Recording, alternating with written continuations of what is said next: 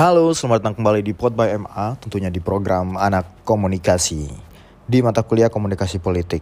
Oke, para pendengar uh, Pod by MA, jadi pada pertemuan kali ini kita akan membahas tentang uh, lanjutan materi pada minggu-minggu sebelumnya.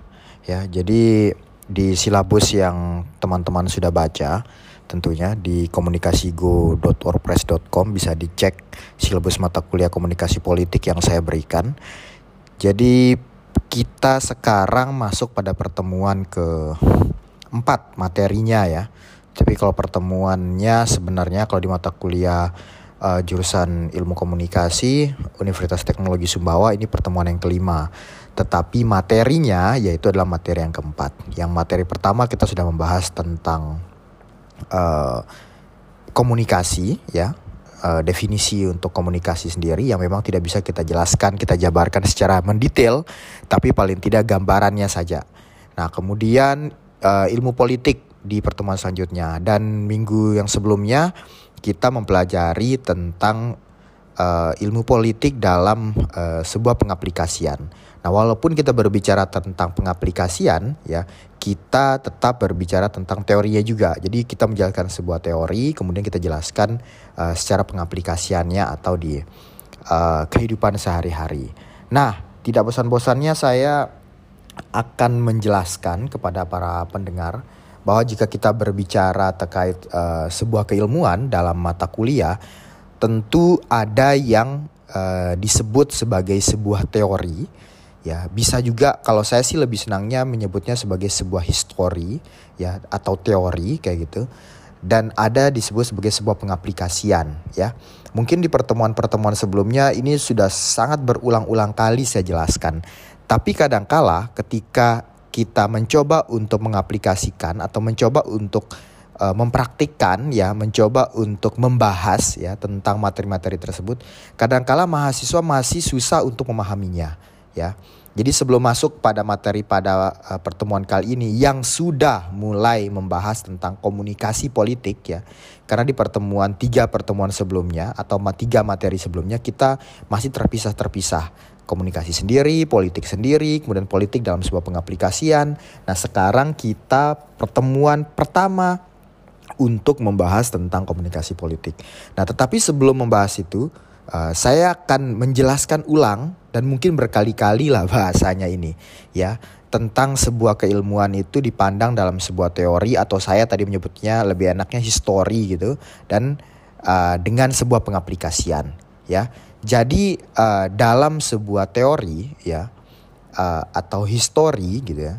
Jadi sebuah kajian itu ada langkah-langkahnya Ya kalau yang sudah mengambil mata kuliah metode penelitian pasti itu sangat paham ya. Ada langkah-langkahnya sehingga mendapatkan sebuah konsep-konsep dan itu menjadi sebuah teori misalkan. Misal kita berbicara tentang ada teori hmm, ini yang mudah lah ya dan ini sudah saya jelaskan di pertemuan kedua atau yang ketiga gitu. Teori peluru misalkan berbicara tentang orang akan mudah terpengaruh ketika menyaksikan sebuah media. Nah kita nggak bisa menyalahkan teori tersebut gitu. Wah ini teorinya salah, teori teorinya ini nggak benar, teorinya ini nggak relevan dan lain-lain itu. Jika kita berbicara sebagai sebuah histori ya, ya teori ini sebenarnya ada sejarahnya muncul gitu. Hadirnya teori ini dari sebuah kajian-kajian ya bisa karena kenapa ada teori itu mungkin yang diteliti itu adalah orang-orang yang baru mengonsumsi sebuah media gitu ya baru mengonsumsi media televisi dia jadinya nggak tahu karakteristik dari media itu sehingga ketika menonton dia langsung terpengaruh misalkan kayak gitu. Nah jadi kita nggak bisa salahkan ya sebuah histori atau sebuah teori itu karena ya itulah uh, hasilnya dari penelitian tersebut gitu ya nggak bisa disalahkan. Tapi dalam sebuah pengaplikasian, nah ini berbeda lagi. Kita boleh mendebat ya, misalkan oh ini nggak cocok nih, nggak relevan dengan keadaan saat ini. Orang kalau menonton televisi ada iklan mobil, nggak langsung mau beli mobil, mereka perhitungkan juga ada uang apa enggak dan lain-lain dan lain-lain seperti itu. Nah ini yang saya sebut sebagai sebuah uh, teori ya dengan sebuah pengaplikasian yang ini berbeda Ya, ini yang uh, semoga rekan-rekan semua lebih mudah memahaminya gitu ya. Jadi ketika ada bicara terkait politik pada minggu minggu lalu itu ya politik adalah sebuah usaha untuk membuat uh, menjadi sebuah kebaikan. Yaitu adalah teorinya ya itu adalah konsep-konsepnya itu adalah bahasa-bahasa uh, apa ya uh, definisi tentang ilmu politik itu. Nggak bisa disalahkan gitu. Memang iya kayak gitu gitu nah tetapi kalau kita mau mendebat kita harus masukkan pembahasan itu dalam sebuah pengaplikasian pada pengaplikasiannya oh ternyata banyak yang korupsi, banyak yang dia itu hanya mementingkan uh, pribadi dan golongannya dan lain-lain. Nah, itulah yang perlu dibedakan. Ya. Dan pada pertemuan kali ini kita akan masuk ya kepada pembahasan komunikasi politik untuk pertama kalinya. Oke. Kita akan membahas uh, secara kajian teori ya karena pada pertemuan kali ini kita membahas tentang kajian teorinya.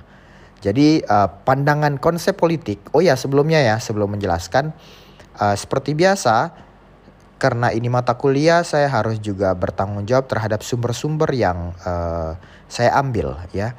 Jadi saya mengambil ini sepertinya buku uh, penulisan bersama ya uh, bunga rampai gitu ya.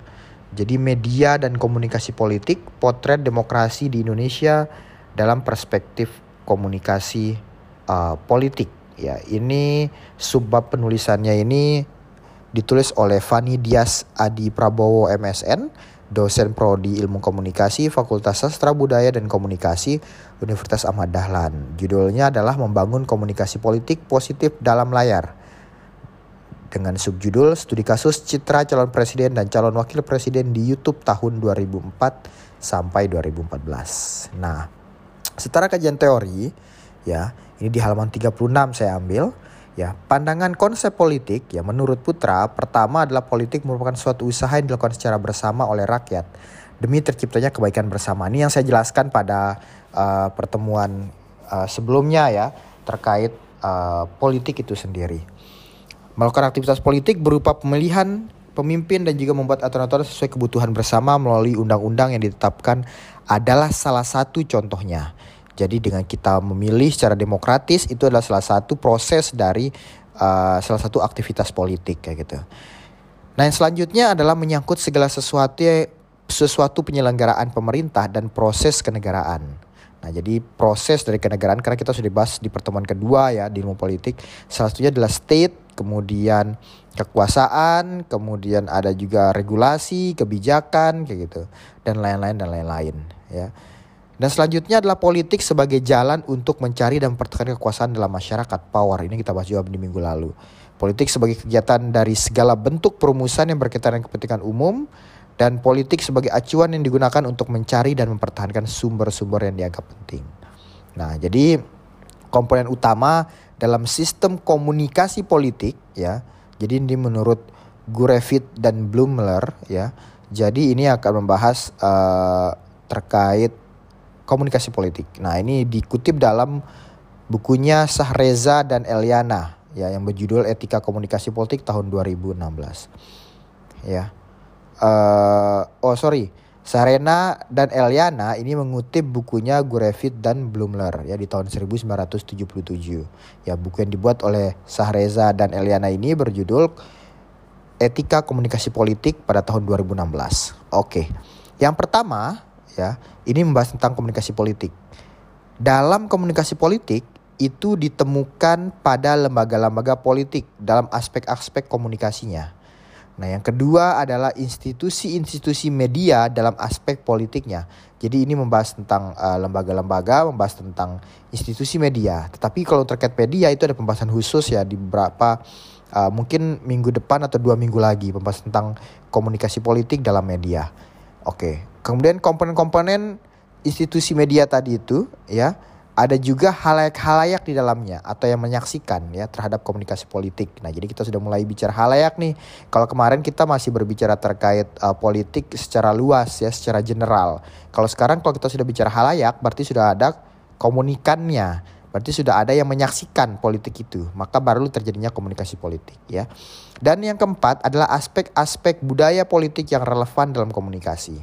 Nah, dari keempat poin tersebut ya, sistem komunikasi politik politik dapat dilihat dalam dua perspektif, yaitu perangkat institusi politik dan organisasi media.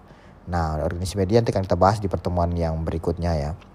dalam persamaan pesan bagi interaksi yang lebih horizon satu sama lain.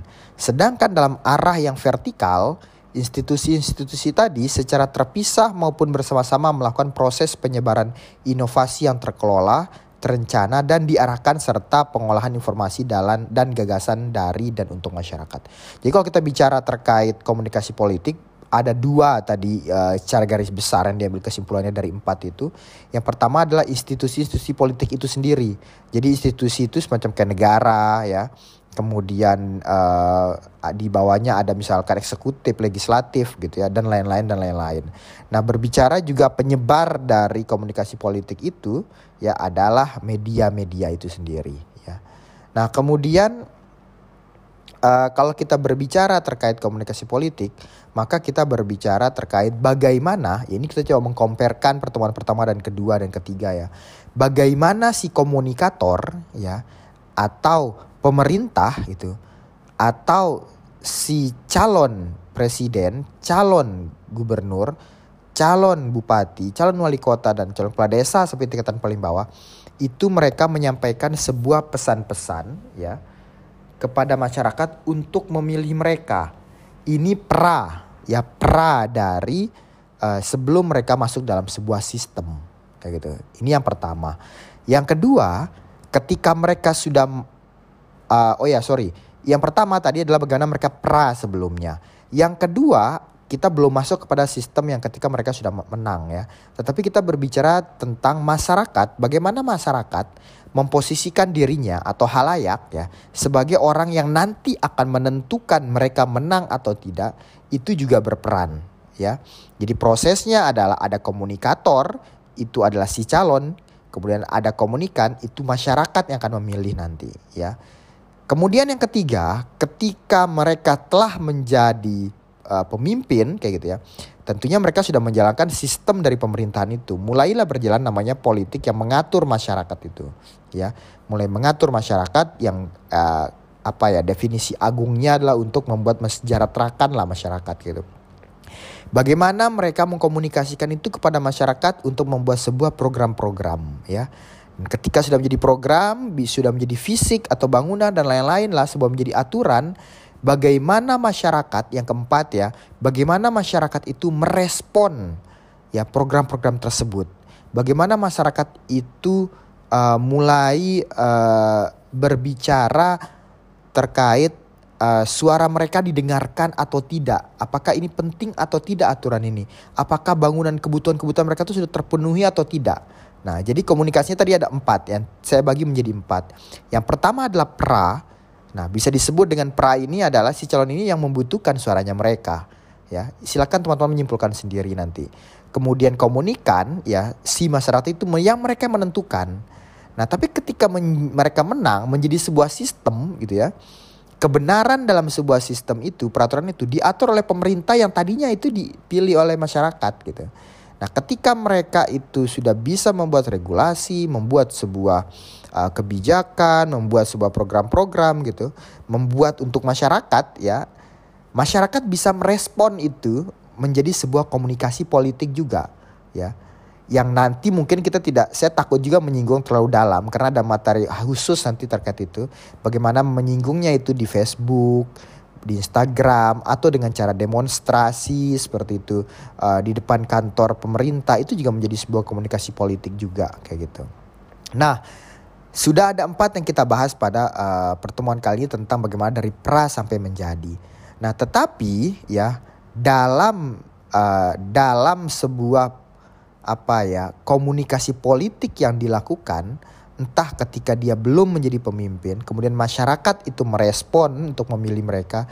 Ketika mereka sudah menjadi pemimpin, membuat sebuah program dan masyarakat juga merespon apa yang dibuat oleh pemerintah, perlu ada salah satunya yang itu tidak asing lagi kita dengar yaitu adalah citra ya citra kenapa percitra ini perlu dibahas ya karena dalam membuat ya pertama nih dari pra tadi kita bahas sebelum mereka menjadi uh, pemimpin atau yang dipilih itu mereka perlu ada satu modal ya kita tidak berbicara misalnya modal uang atau apalah di luar itu ada modal citra ya sehingga masyarakat itu memilih mereka kayak gitu. Kemudian ketika mereka menjadi pemimpin pun membuat sebuah program tentunya kan tidak mau ada chaos, tidak mau ada masalah di situ.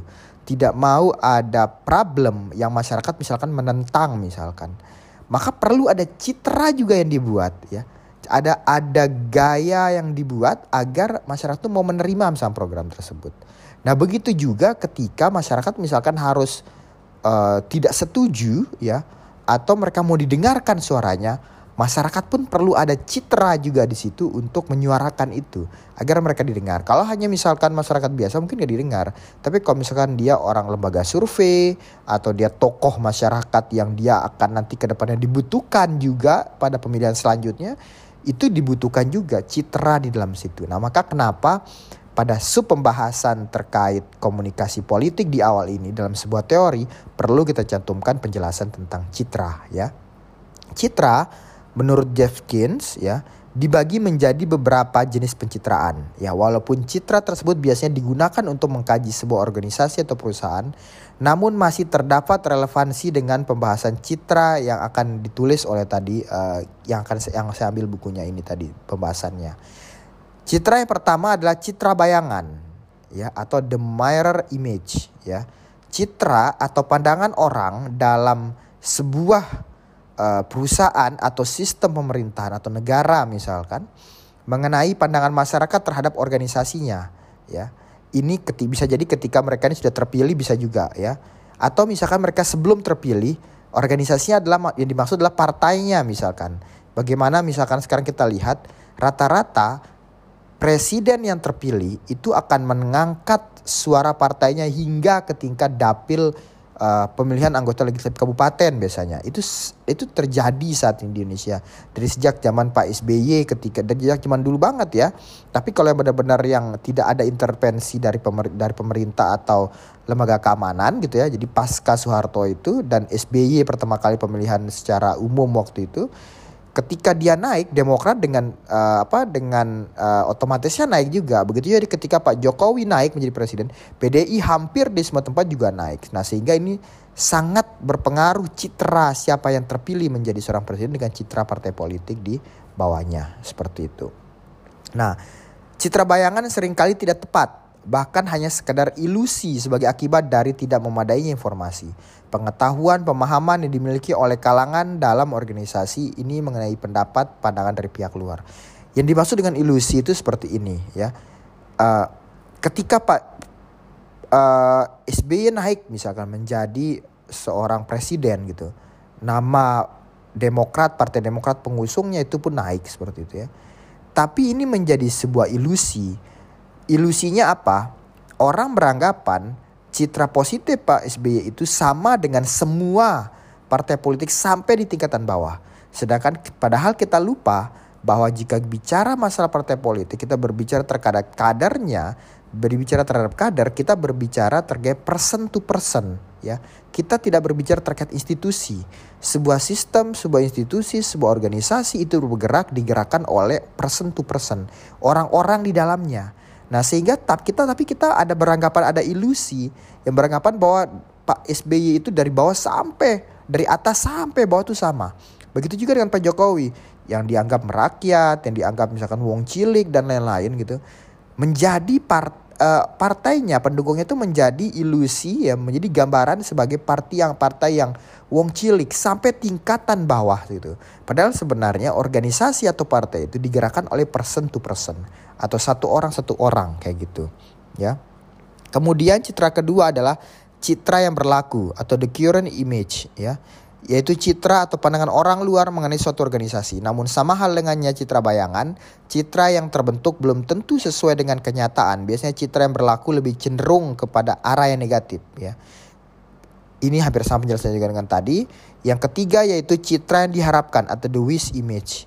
Citra harapan adalah citra yang diinginkan oleh sebuah lembaga, perusahaan atau partai dalam ini yang diharapkan tidak sama dengan citra sebenarnya. Biasanya citra yang diharapkan lebih baik daripada citra sesungguhnya.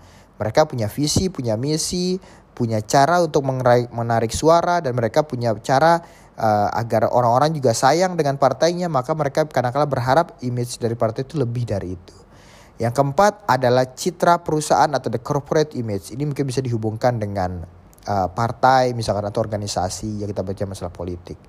Citra pada perusahaan ya atau organisasi atau partai ini adalah citra dari suatu organisasi secara keseluruhan. Bukan hanya citra atas produk dan pelayanan saja. Produknya ini adalah bisa jadi manusia. Kalau kita bicara partai, produknya misalkan PDIP, produknya adalah Pak Jokowi. Produknya adalah Puan Maharani. Kita bicara Demokrat, produknya adalah uh, Pak SBY, produknya adalah AHY, produknya adalah semua kader-kader Demokrat di seluruh Indonesia. Itu adalah produk-produknya, ya. Dan pelayanannya, pelayanan adalah ketika mereka terpilih, mereka benar-benar melayani masyarakat atau benar-benar melakukan apa yang di, yang diinginkan oleh masyarakat seperti itu. Namun citra perusahaan atau organisasi itu terbentuk dari banyak hal, seperti sejarah atau kinerja dari kepartean itu atau orangnya, ya. Termasuk juga stabilitas keuangan, maka kenapa biasanya partai yang pemimpinnya itu terpilih menjadi presiden atau menjadi menteri dan lain-lain, biasanya partai itu kalau dalam survei itu selalu berada dalam minimal lima besar ya seperti itu. Karena kenapa? Secara keuangan juga itu diperlukan juga. Uh, maksudnya untuk menstabilkan itu. Kualitas produk, kualitas produk tuh misalkan muncul uh, eh, AHY misalkan itu. Bagaimana kualitasnya sebagai lulusan terbaik uh, akademi militer dan lain-lain uh, kuliah di luar negeri dan lain-lain. Nah, itu yang dijual gitu. Nah, selanjutnya dan lain-lain dan lain-lain. Nah, citra yang kelima adalah citra majemuk ya atau the multiply image ya. Banyaknya jumlah orang di dalamnya itu cabangnya perwakilan dari sebuah perusahaan atau organisasi dapat memunculkan suatu citra yang belum tentu sama dengan citra organisasi atau perusahaan tersebut secara keseluruhan. Itu yang saya jelaskan di awal banget tadi ya. Jumlah citra yang dimiliki suatu perusahaan boleh dikatakan atau organisasi itu ya sama banyaknya dengan banyaknya jumlah orang dalamnya. Citra yang keenam yaitu citra yang baik dan buruk atau good and bad image. Seorang polifigur mempunyai reputasi baik atau buruk karena keduanya bersumber dari adanya citra-citra yang berlaku. Ya atau current image itu. Yang bersifat negatif atau positif. Citra yang ideal adalah kesan yang benar yakni sepenuhnya berdasarkan pengalaman, pengetahuan, serta pemahaman atas kenyataan yang sesungguhnya. Hal ini artinya citra tidak dapat direkayasa, yang hasilnya justru akan memberikan dampak negatif karena dianggap menciptakan hoax ya. Suatu citra yang baik sebenarnya dapat dimunculkan kapan saja, termasuk di tengah terjadinya musibah atau sesuatu yang buruk. Nah, pertanyaannya, apakah citra ini menjadi sesuatu yang haram gitu ya? Kadang-kala kita sering sekali berbicara, ah itu pencitraan aja dan lain-lain. Sebenarnya secara pribadi dan secara keilmuan, terutama rekan-rekan yang berada dalam kajian hubungan masyarakat atau public relation, humas kayak gitu ya. Uh, citra bukan sebagai sesuatu yang negatif yang dibuat-buat. Ya, citra secara definisi secara keseluruhan tadi itu sebenarnya sesuatu yang ada di dalam diri seseorang. Ya, ketika orang dipandang baik, ketika orang dianggap ya menjadi tokoh yang uh, misalkan soleh soleha gitu ya menjadi tokoh yang dia itu berjiwa sosial dan lain-lain sebenarnya itu adalah akumulasi dari apa yang telah dia lakukan dari sejak dulu sekali entah itu sejak kecil sampai saat ini. Makanya current image itu yang saat ini terjadi kayak gitu. Nah orang menilainya itu tidak serta merta gitu ya. Nah itulah yang disebut dengan uh, yang real image itu, real dari dari citra gitu.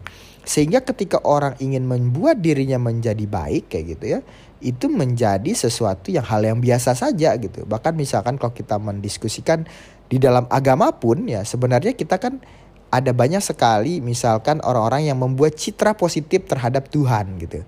Ya gimana caranya? Ya dengan melakukan apa yang diminta oleh Tuhan gitu.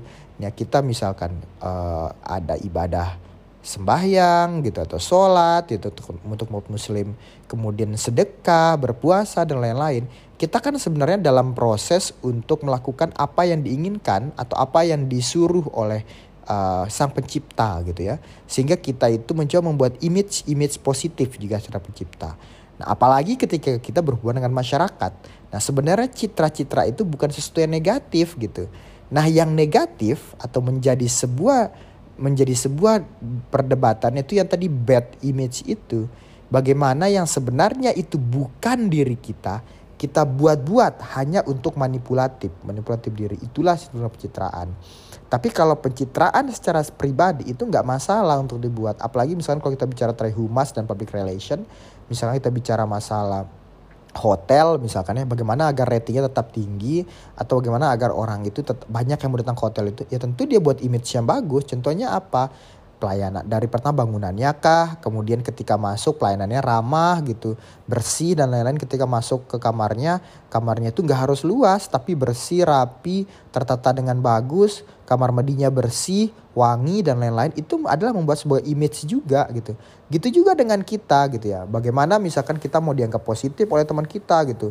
Sudah uh, kunyel kayak gitu ya kemudian gak mandi pergi kuliah gitu setelah itu buat onar gitu ya walaupun sebenarnya mungkin kalian pingin cari perhatian atau misalkan ya ini adalah image saya kayak gitu ya. Tapi sebenarnya gitu kalau kita balik lagi dalam sebuah pembahasan kehidupan secara sosial gitu bahwa sebenarnya kan kita punya tanggung jawab juga bahwa kita bukan hidup sendiri. Kita hidup dalam hidup bermasyarakat. Nah maka gimana caranya agar bisa diterima oleh masyarakat? Bahkan mungkin bukan diterima bahasanya ya agar orang itu kita saling menghargai gitu.